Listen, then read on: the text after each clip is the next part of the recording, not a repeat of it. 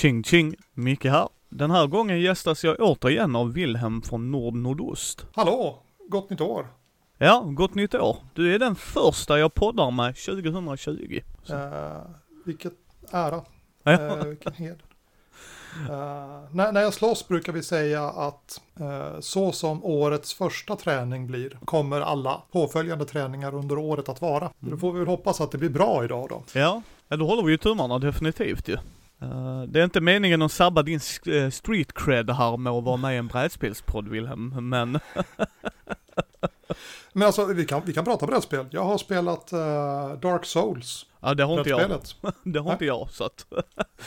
Men jag tänkte så här, du, du är lite visare än jag i många, många områden. Och en grej jag själv skulle vilja prova mer, och kanske våra lyssnare också, är ju vad jag kallar med en positiv betoning indieflum. Det är inte Mm. negativ bemärkelse för min del. Eh, Men den indie-sidan liksom, eh, om du, oh my master, vad är indie för folket? Eh, ja, det är en jättebra fråga och inte helt lätt att svara på faktiskt. Det är tur att vi har gott om tid på oss.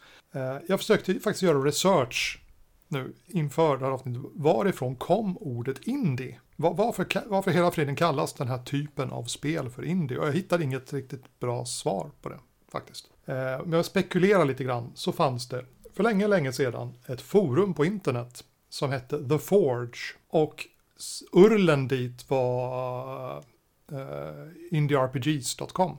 Och där var det folk, i huvudsak amerikaner, som pratade om rollspel och började göra som, inte bara prata om, om rollspel, vilka spel är bra och vad gjorde de sist och sådär, utan försöka skapa någon sorts teoretiskt sammanhang i sina rollspel. Eh, och ur det där kom det sen ett antal spel som då har sett som starten för indievågen. Och det här är då typ millennieskiftet. Så att det, är- det är ju en 20 år gammal företeelse vi pratar om nu. Det ses fortfarande som lite nytt sådär för en del. Så det har inte slagit igenom stenhårt. Nej, nej det har du ju inte. Mm. Det, Nej, det har, det har inte det. Är- Det är 20 år gammalt och det är fortfarande... Men om vi ska, vi kan också flumma iväg lite. Vad tror du det beror på då? Varför tror du inte det har fått en sånt genomslag? Ja, det är roligt att köpa spel. Oh det, är ja, roligt att köpa, det är roligt att köpa fina spel. oh ja. Det är sådär. Eh, och det är roligt att köpa expansioner och köpa så här ett, ett, ett spel som är supportat. Ja precis, där de Mm. har Stadiga Att det, att det kommer lite expansioner, det finns lite specialtärningar, man kan få en spelledarskärm, man kan träffa folk på konvent som spelar samma spel och ja, men sådär, det är supportat och grejer. Och i allmänhet är ju de här indiespelen en bok på någonstans mellan 30 och 100 sidor och det är allt. Det finns inga expansioner, det finns ingen spelledarskärm, det finns inga specialtärningar. Oftast, i alla fall när de kom då för 20-15 år sedan då, så var de grafiskt sett mycket sämre än, än den huvudfårans spel då. De hade inga färgbilder, de hade ofta inga bilder alls och det var små, små dassiga häften istället för inbundna böcker och sådär. Så att det, det är inte lika roligt att köpa indiespel. Ja. Eh, och, och ifall man inte köper spelen så spelar man ju inte dem heller. Nej, det brukar falla i den.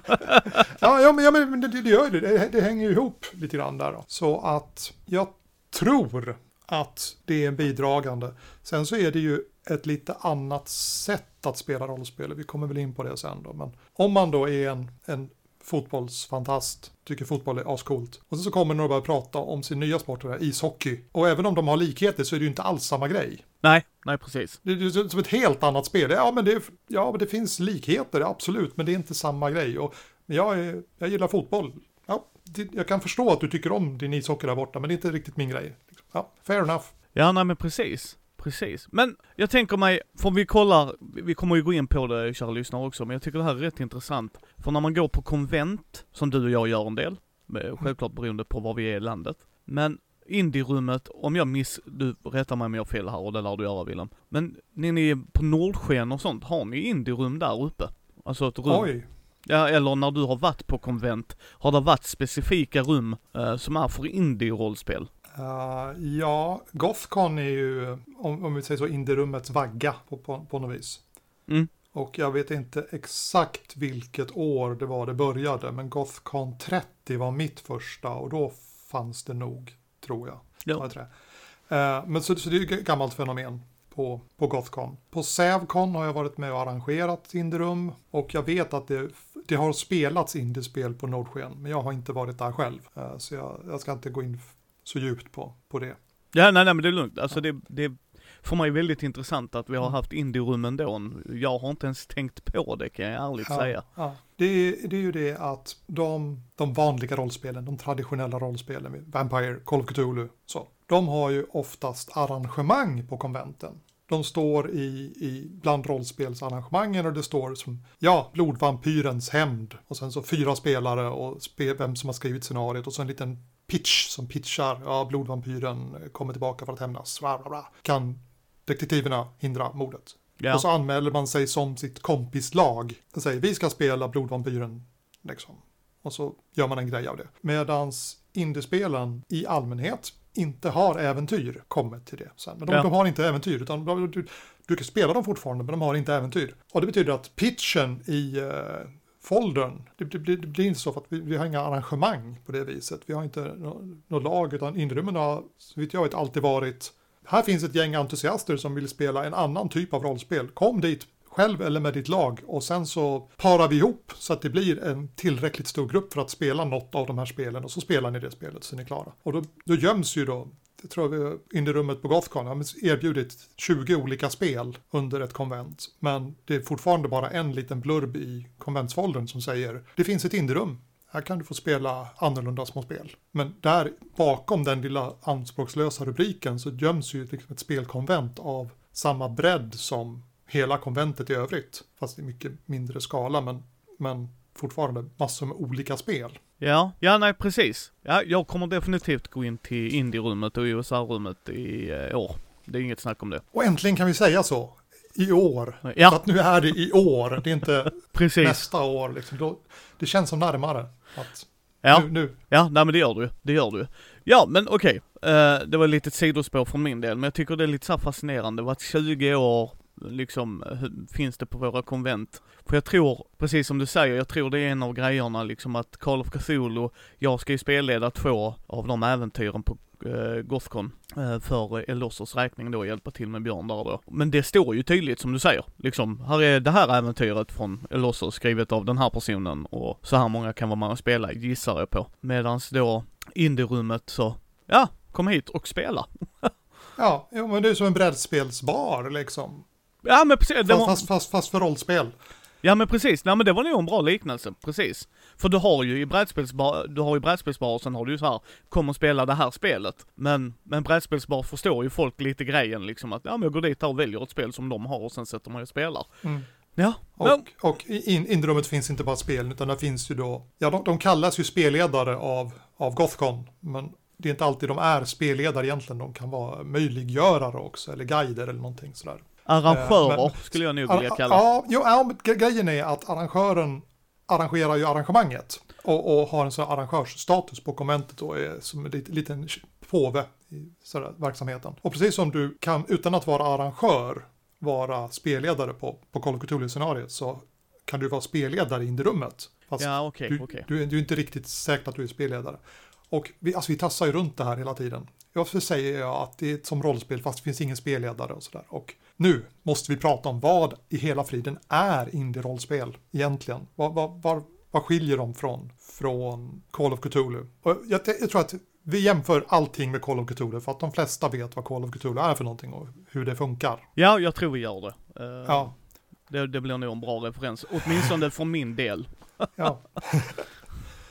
och Call of Cthulhu är ett traditionellt rollspel. Ja. Och, och nu ska jag rabbla lite egenskaper som jag tycker att traditionella rollspel har. Det har en spelledare, det har äventyr, det har rollpersoner som ska försöka klara äventyret. Mm. Eh, rollpersonerna styrs av spelare.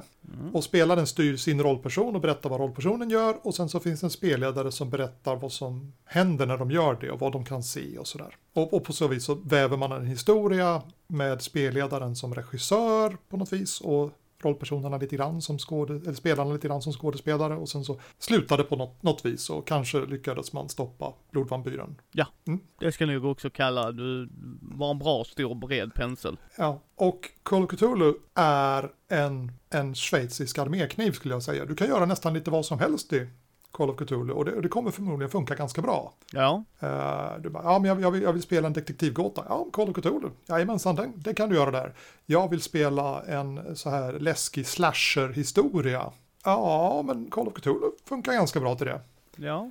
Jag, jag, jag vill spela ett uh, arkeologimysterium i Egypten och, och, lite övernaturligt sådär. Ja, Call of Cthulhu funkar ganska bra till det. Eh, och, och, sådär, liksom, nästan vad man än pitchar fram, så här, jag, jag vill spela ett scenario med eh, poliser som, eh, som söker en försvunnen person.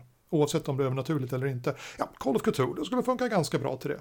Eh, ja. ja. Ja, och det, det funkar som ganska bra till det också. Men det är som en schweiziska arméfilm, det funkar ganska bra till, eller ganska bra, tillräckligt bra till allt. Ja, och de använder ju det i grunden till mycket av sina andra system, så att de har ju rätt. Ja. Det är ju en, armé, alltså en schweizisk ja. armékniv, det håller jag helt ja. med. Och, och, och tittar vi som Drakar Demoner så är det inte det så himla långt ifrån Call of Cthulhu, eh, re regelmässigt. Och, och, plötsligt kan du vara riddare eller du kan vara trollkarlar eller ni kan vara ett gäng som går ner i eh, gamla gravvalv och letar skatter och Kanske är ni riddare som är på en turnering och sådär. Ja, det funkar ganska bra till det också. Ja. Ja, och indiespelen sa, nej men vi ska inte göra ett spel som kan göra allt. Vi ska göra ett spel som kan göra en sak väldigt bra. Mm, ja. Den vill inte vara uh, mellanmjölken, den vill vara mjölken. Ja, ja men, men liksom, det här rollspelet är en såg. Den är skitbra ifall du vill kapa träd. Men den har ju inget förstoringsglas. Får du en sticka i fingret så är du körd. Den har ingen liten pincett, den har inget knivblad, den har ingen skruvmejsel. Nej, det är en såg. Punkt. Såga med den eller gör något annat liksom. Ja. Så de här indiespelen, de har då i allmänhet valt ut en liten, liten smal sektor, en smal typ av berättelser och sagt ja, om vi nu ska spela bara precis den här typen av berättelser, vilka regler behöver vi för att göra det så bra som möjligt? Och jag är övertygad att om du ska gå ner och knycka dig en gran så tar du hellre en såg än en armékniv. Uh, ja. Om, om det kniper kanske du kan ta den där armékniven, men, mm. men hellre tar du sågen. Ja, jag sparar ju och, tid om inget annat. Ja, precis. Spar, spar tid enklare, det blir ett snyggare snitt förmodligen och sådär. Och då, då kommer vi tillbaka till det här, ja men massor, massor, massor med indiespel som gör en liten sak vardera. Så ska du spela fem eller tio olika typer av berättelser, ja då kanske du behöver fem eller tio olika indiespel. Men du skulle lika gärna kunna klara det med Call of Cthulhu och det kan du ju redan. Mm. Så, och det kan, ja, du, du kan ju spela alla typer av berättelser med Call of Cthulhu och det, blir typ bra. Det kan vara jättebra ifall du har en jättebra spelledare. Ja, oh ja. Men det känns mer att det hänger på spelledaren där än reglerna. Alltså eller systemet eller vad man ska säga. Mm. Och det är intressant att du säger det eftersom där någonstans har vi startskottet till indierörelsen. Eh, de här människorna som satt på forumet och började skapa teori om rollspel. De var, ja men herregud, alla spel är ju bra med en bra spelledare. En bra spelledare kan rädda precis vilket spel som helst. Och är spelledaren bra så blir äventyret bra. Ja. Eh, men, men varför då? Är, är det så är det kriteriet, för då finns det ju inga bra spel. Om, om det är spelledaren som gör spelet bra. Kan vi inte göra ett spel som är bra istället för att göra saker som hamnar hos spelledare som gör dem bra? Eh, och, och vad är då bra? Ja, men att vara bra är att göra en sak väldigt specifikt bra. Kunde man då kanske bestämma sig för i något, något skede där då. Och så började man gör, göra spel eh, i, i ett decennium ungefär och sen så dog ju indievågen och nu så finns det ju kvar en del tappra själar som fortfarande gör indiespel men det är ju inte alls samma push i rörelsen som det var för tio år sedan. Ja, ja det är ju väldigt fascinerande. Just liksom att man bara, för, för det stämmer ju. För det är ju inget bra regelsystem om det hänger på spelledaren, för då är det bara spelledaren, alltså egentligen ju. Så det är lite så här att eh, pappa är jätteduktig på att använda, liksom hugga ner träd, men det är han ju mer eller mindre oavsett vilket verktyg han använder. Han, han kan det här liksom. Medans, varför gör, gör vi inte en såg som du sa innan? Så att alla ja. kan göra det utan att det hänger på att pappa är med. Mm. Jo, men, men, men, tillbaka till, till vår vän spelledaren då. Uh, och vi, vi, har kommit fram till att indiespelen i allmänhet tar ett smalt område av berättelser så gör de det bra. Ett spelmöte med traditionella spel, det står och faller stort sett med spelledaren. Om, om, spelarna har en dålig dag men spelledaren har bra så kommer det förmodligen att funka ganska bra. Uh, ja. Det är lite tuffare att som spelare lyfta ett dåligt spelpass om spelledaren är dålig och äventyret är dåligt. Ja, ja, ja. Det, det, det, kan gå, man kan rädda dagen, säga några vitsiga saker och så har alla roligt i alla fall. Precis, uh, men det är, det är en större uppförsbacke. Jag förstår det är en större uppförsbacke, ja precis. Uh, så att om vi tänker oss spelledarens kapacitet eller form som en sån där våg på havet. Så har spelledaren liksom toppar och där, där går det jättebra. Sen så dalar spelledaren lite grann och så går han topp och så blir det jättebra och sådär. Men det, vi har bara spelledaren som våg. Men runt bordet är vi ju fyra, fem personer. Och alla har vi inom oss en sån här våg som går och vi har bra stunder och dåliga stunder. Och de där går inte alltid i takt, utan de kan ligga lite förskjutna mot varandra.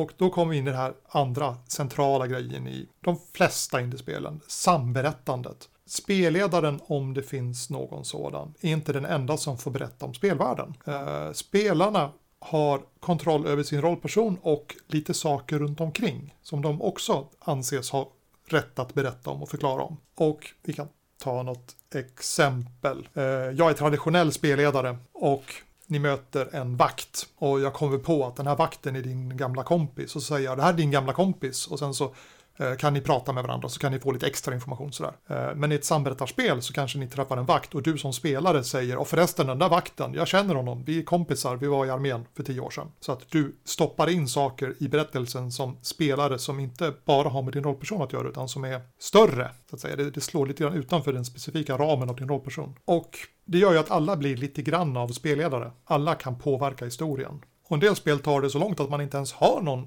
utsedd spelledare utan man har bara spelare eftersom alla har tagit sån stor bit av kakan av berättarmakten att man behöver inte ha någon utsedd person som specifikt ska berätta om, om spelvärlden eller förklara äventyret för att alla gör sin lilla bit. Ja. Och då plötsligt, om vi vänder tillbaka till våra vågor där man har toppar och dalar när det går bra och när det går dåligt. Det vanliga äventyret får som ett tak på spelledarens dalar och toppar. Men i samberättandet så den som är bäst för stunden, den som är mest, har mest feeling, mest känsla eller bäst idéer just i det ögonblicket, det är den som sätter tonen för hur bra det går för gruppen. Eller hur bra berättelsen blir, eller hur bra rollspelet blir. Och det var ju en jätteaha-upplevelse för mig för 20 år sedan då.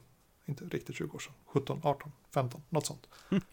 att, att det vart överlag så var spelmötena bättre när vi spelade indiespel för att fler personers perspektiv och idéer kom till vara, kom, kom till nytta. Ja, jag har så många frågor här.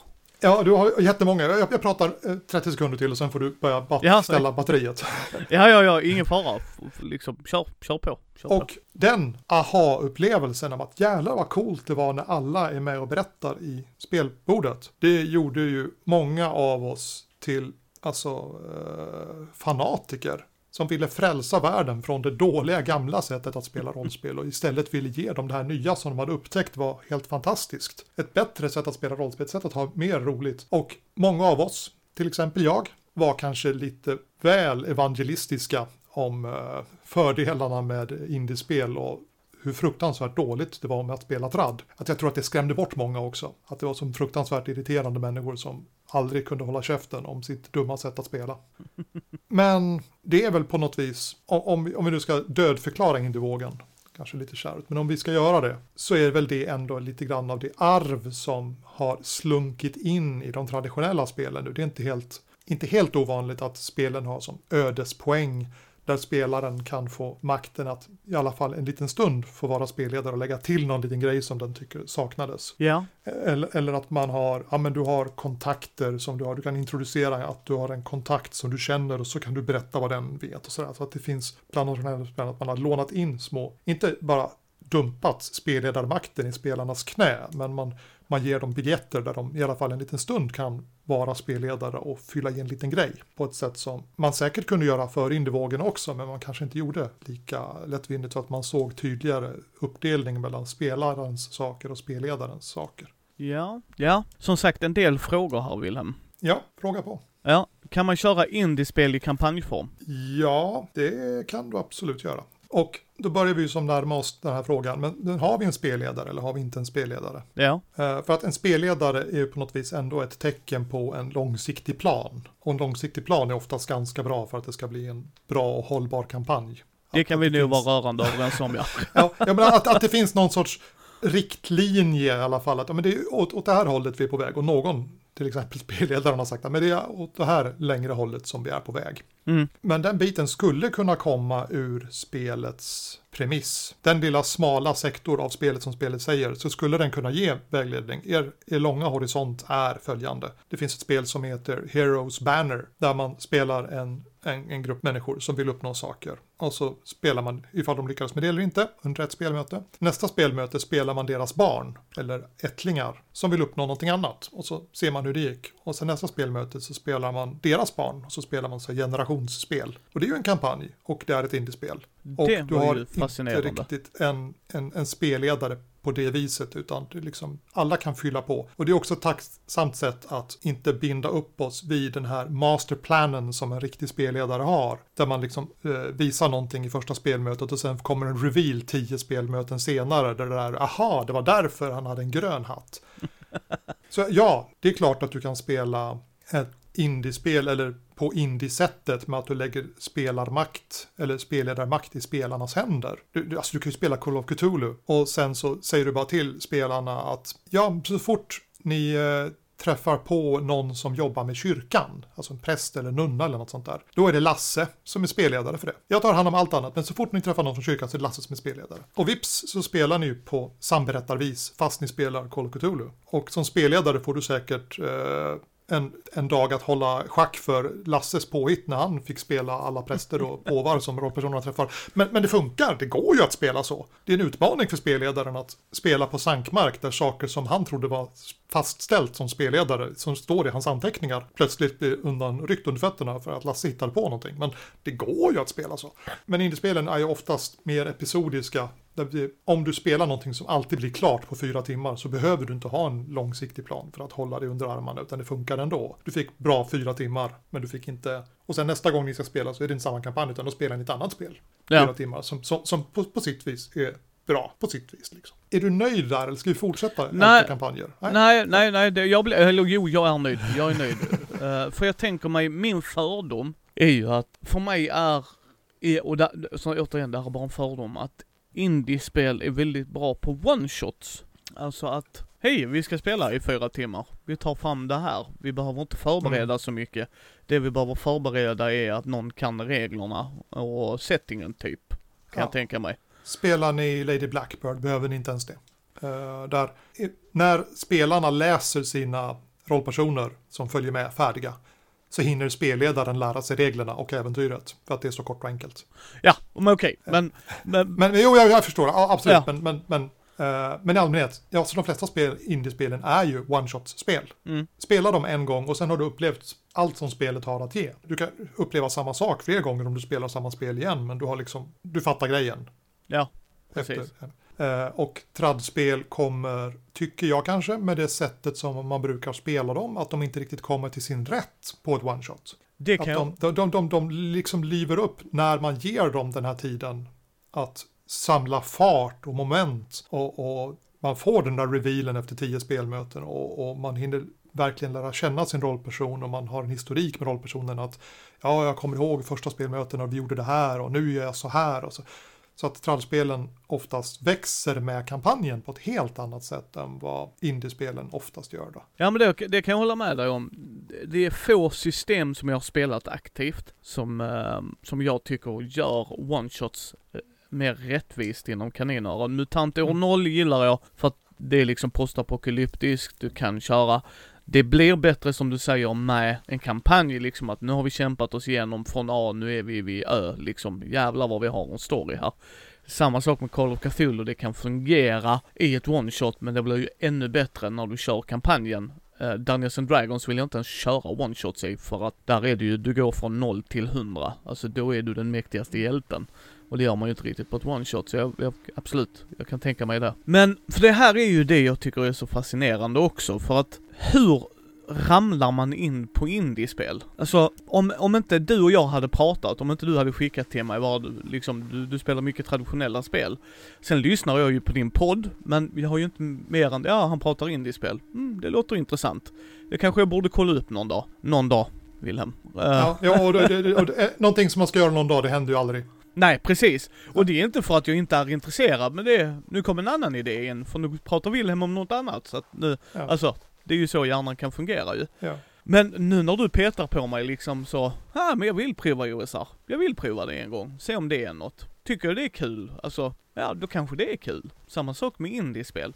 Jag har ju definitivt nu när jag, vi spelar ju varannan tisdag. Och där hade jag tyckt det var väldigt intressant att ibland emellanåt bara ta upp ett one shot och då har jag funderat på indiespel efter att ha lyssnat på din podd. Liksom. Alltså, mm, de pratar om zombie cinema. Det låter ju... Ja, jag skulle tro att det är många spelgrupper som gör så att de kör sina tradkampanjer och sen som, som för att eh, hämta andan mellan kampanjerna så kör de indiespel, ett eller två, tre spelmöten och sen drar de igång nästa kampanj igen och så kommer de in liksom fräscha på något vis. De har inte ekot av den gamla kampanjen lika färskt i minnet utan de har spelat andra grejer, hållit ihop gruppen, utforskat lite grann, sträckt på benen på, på nya sätt och sen så drar man igång nästa kampanj. Eh, så det tycker jag absolut ni kan göra utan att eh, se det som något dåligt att man växlar fram och tillbaka mellan spelstilarna. Nej, det tycker jag inte heller. Det, det är jättebra du sa det också. Jag, liksom, för det första så är jag en stor, stor firm believer i, i podden med att man ska spela det man tycker är kul.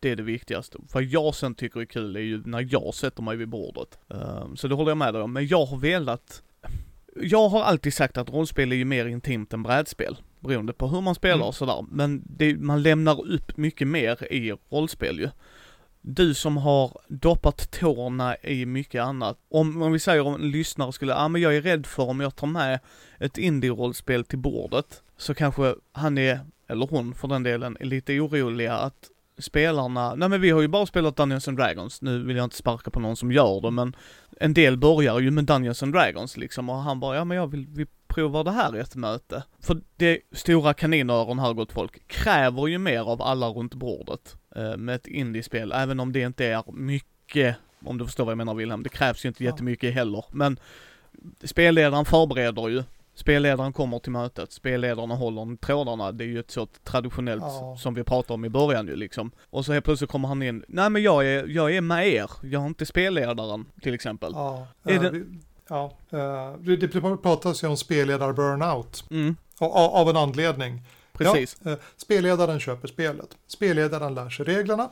Spelledaren leder karaktärsskapandet. Spelledaren skriver en kampanj. Spelledaren förbereder spelmöte. Spelledaren håller spelmötet. Spelledaren förbereder äventyr. Ja. Spelledaren håller spelmöte. Alltså det finns ju folk som alltså eh, går under av, av, av den, den börda som läggs på spelledaren. Ja. Och, och det, det försvinner ju med indiespelen. Eller egentligen man tar den där bördan och så delar man den i lika stora bitar och så får alla bära lite grann. Precis, precis. Och utan Ja. att det blir tungt. Alltså det blir liksom Ja. inte jobbigt på det sättet. Nej, jag, jag kanske ska, ska, jag börja, ska börja droppa spel här. Säger Ja, gör om, det. Om, om, om, ni är en tradgrupp som, som säger vi vill köra ett, ett, ett spelmöte i Indie för att se vad det är för någonting då. Ja. Vad, vad, vad, vad ska vi spela? Mm. Lady Blackbird är ett eh, steampunk-rollspel. Det följer med färdiga rollpersoner, det följer med ett färdigt äventyr som man kan växa till en kampanj om man vill.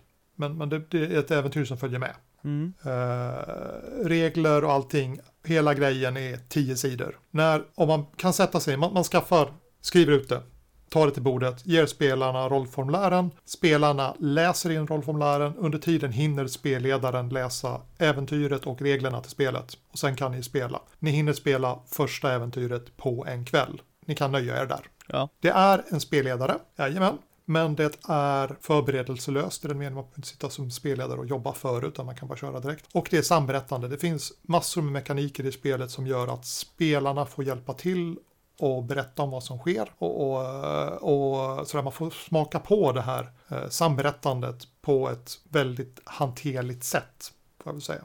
Och det är Mm. gratis, det är bara att ladda hem och köra. Jag tycker av, av de saker man vill prova på, ja men, men ta Lady Blackbird för det är fantastiskt bra. Jag har spelat det och spelat det flera gånger och det har replay value, eh, i alla fall om man spelar med nya grupper. Och det ses som ett av de bra spelen i genren också, så att det inte bara att det är som bra nybörjarspel utan även de som har spelat länge tycker Lady Blackbird är ganska schysst. Vi stoppar väl en länk i show notes helt Ja. enkelt. Självklart Ja, gör vi det. Självklart gör vi det. Jag funderar faktiskt på att köra detta. För vi ska köra, nu på tisdag kommer vi köra sista delen i eh, startersetet från Dungeons and Dragons. Sen så ska en ny kille ta över och spelleda ett annat system och jag tänkte vi skulle smyga in med en sån då, faktiskt. Ja.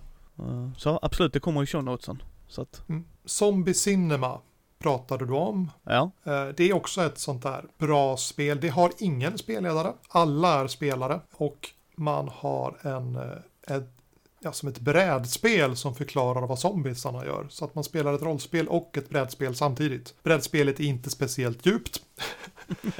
Eh, det, det är ett fruktansvärt enkelt brädspel, men det är ett brädspel. Man, man, man kan göra strategiska val. ja, Ja, eh, det, det är inte bara slump. Så. Eh, och i Zombie Cinema så spelar man zombiefilmer. Det är klart på en kväll. Reglerna är ett papper. Dubbelsidigt, men ett papper.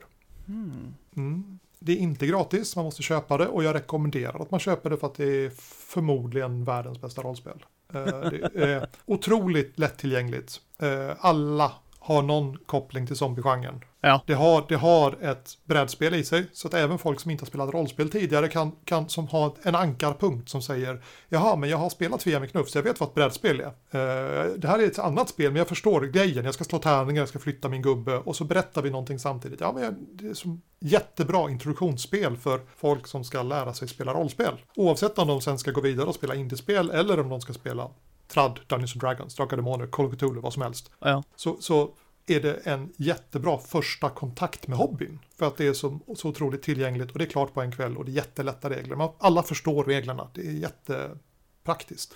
Men är det det som kommer i en videokassettband? Det, det kommer i en VHS-ask, absolut. Och, Och och är- det hör, förstår man hur coolt det är när det kommer i en VHS-ask. Man ska bara förklara för kidsen vad det är. Före, före Netflix så fanns det DVD och före DVD så fanns det, alltså musikkassetter fast med, med, med bilder på. Ja, Och de, och de kunde man hyra på Ja. kiosken om man ville se en film. Ja. Eh, Men- och, och en sån här kassett eh, innehåller hela spelet. Ja, precis. Men är det fin en finne som har gjort det? En finsk? Ja, person? e- e- Eero Tovinen. Eh, först så kom det på finska, men det finns att köpa i engelsk översättning. Man måste inte kunna finska för att spela Zombie Cinema. Nej, nej, jag bara för mig du har pratat om det just och så, ja, och det är lite så här extra coolt. Jag är fjärdedels finne så att.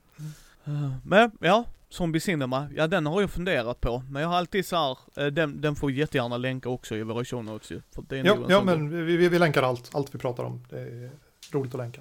Ja, ja men det är bra länkar också för att ibland är det svårt själv när man lyssnar på en podd, bara vänta de Ja. pratar om en grej. Och då Ja. hittar ni det i våra show notes. Men, mm, har du något mer tips? Eh, får jag köra lite självpromotion också, kanske? Om, det är klart du får. Det var en Ja, dum fråga Willem. Jag har skrivit ett spel som heter The Daughters of Verona. Där man spelar ett teatersällskap som ska sätta upp en eh, komedi i Shakespeares anda. Och spelarna spelar eh, då figurerna i den här eh, komedin. Och det slutar alltid lyckligt med bröllop och kalas för de älskande. Och jag tycker att det är ett bra introduktion, en bra introduktion till hobbyn. Därför att genren i sig är inte våldsam. Du löser inget problem här genom att döda någon eller att dö eller att liksom begå Lösa, våld. ja precis, eller lösa en dödsfall eller, Äh, nej, precis, utan det, men det, det är som en snäll situation. Det, det slutar alltid lyckligt. Eh, så att det är en ganska mjuk ingång i, i, i, i hobbyn så att säga. Sådär. Och säg, säg vad man vill om, om, om romantik, men de flesta har ju någon sorts koppling till romans och har i alla fall sett det på film. precis, kopplingen Ja, är där. Man måste inte ha sett fantasyfilmer för att, som, som man kanske gärna vill ha gjort innan man spelar Dungeons and Dragons eller läst Sagan om ringen eller något sånt där. Men nä, nästan alla har sett någon film med ett romantiskt tema i alla fall.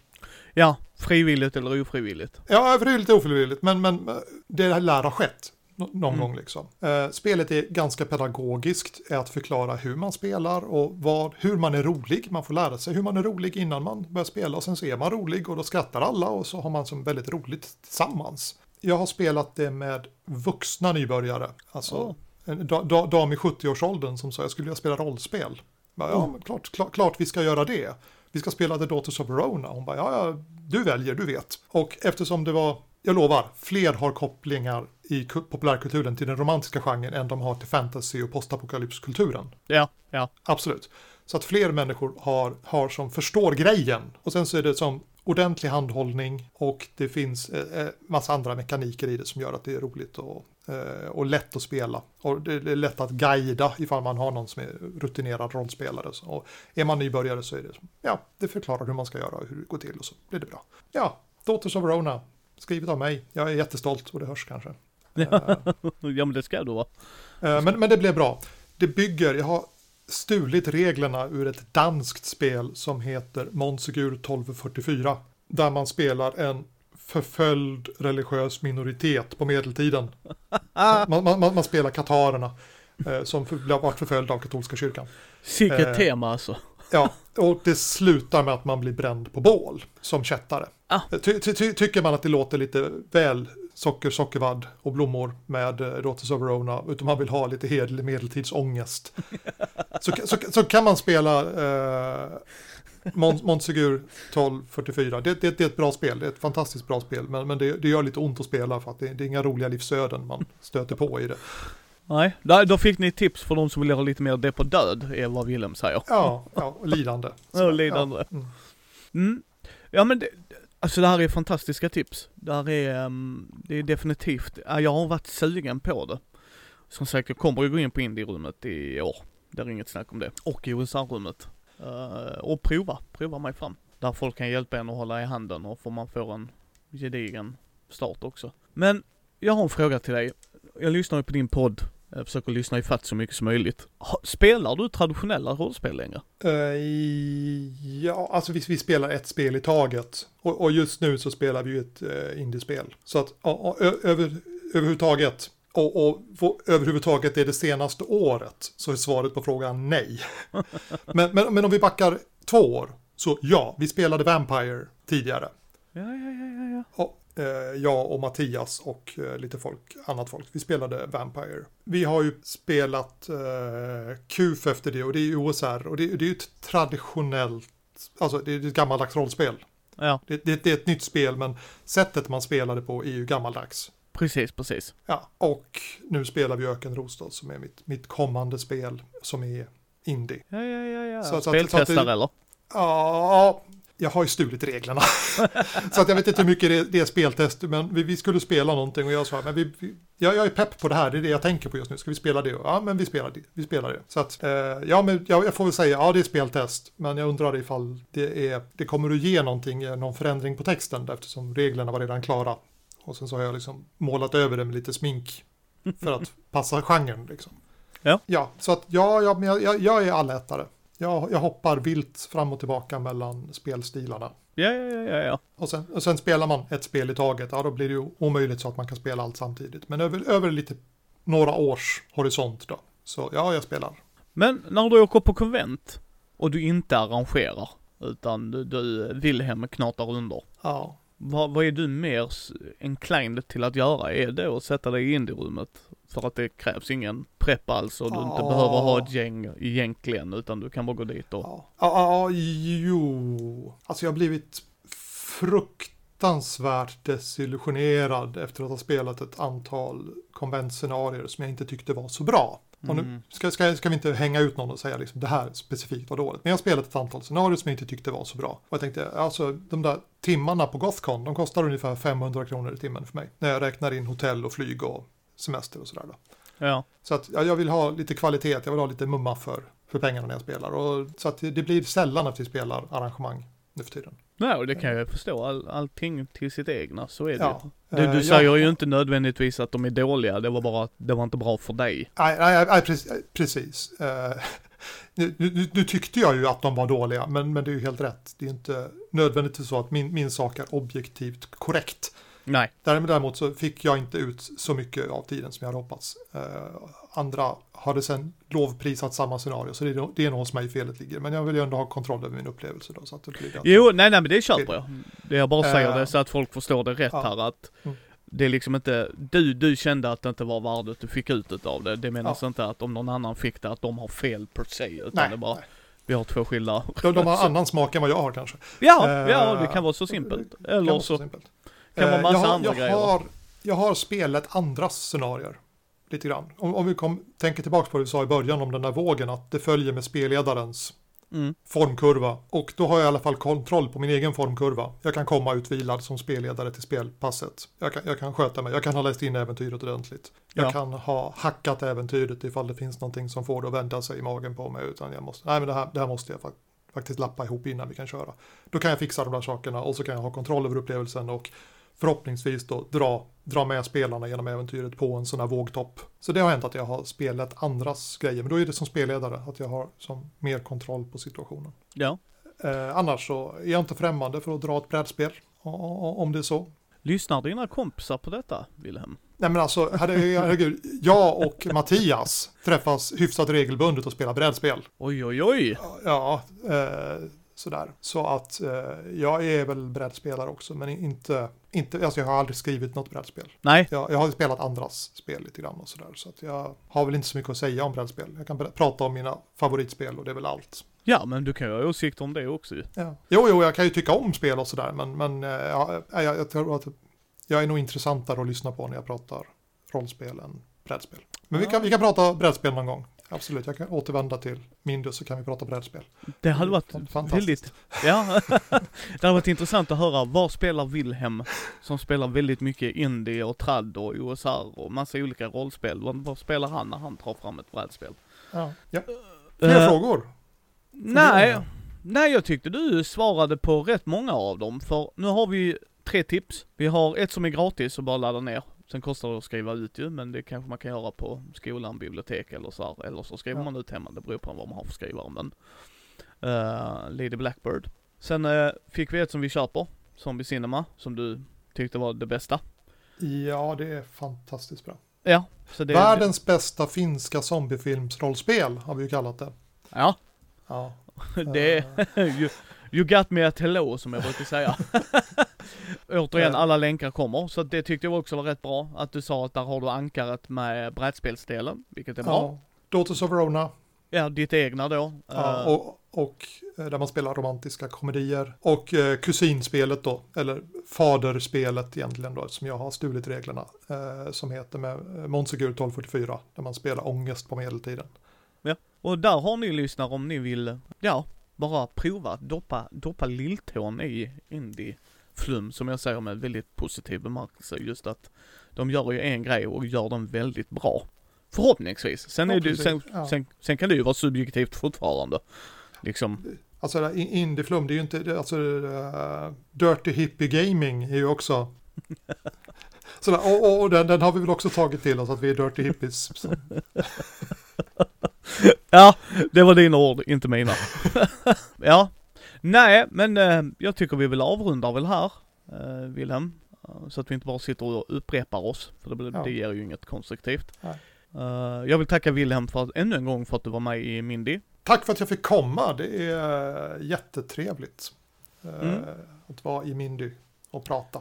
Det blir Ja. lite insnöat i Nordnordost kanske, när, när alla har precis samma referensramar. Ja, man kan bli hemmablind. Jag förstår lite hur du tänker. Det är därför jag tycker det är jättekul att du är med också, just av den anledningen. Så det, det tackar vi för. Ni hittar ju Wilhelm på Nord Nordost och det kommer också länkar i det om ni vill ta en lyssning på deras podd, vilket jag tycker. För att det är inte bara Wilhelm, även om du ibland sitter och pratar själv, eh, så är det ibland du har en gäst med dig och det blir fortfarande väldigt intressant. Det är en skön lyssning, tycker jag personligen. Ja. Ja, det, det, det, det är väl målet, det behöver inte vara intressant om det är mysigt. Nej, ibland tycker det är jättemysigt när du bara häller upp dricka mitt i. Nej men det blir liksom precis att ni sitter vid bordet, det blir, blir en viss grej av det. Så att eh, det tycker jag att ni ska ta en lyssning på. Eh, vill ni ta en titt på Wilhelms spel så är det ju under Wilhelm Games, samma grej där. Vi, vi länkar ju till det. Så att ni vill gå in där och ta en titt. Uh, så, så att, uh, ja, det, tack så hemskt mycket. Ni hittar ju oss på mindy.nu. Ni hittar oss också på Mindys bräd och rollspelspodd på Facebook, Instagram, Twitter och YouTube. Har ni några kronor över och ni känner att ni vill stötta oss så har vi oss som Patreon-sida. Länkar finns där i beskrivningen. Och så hörs vi nästa måndag.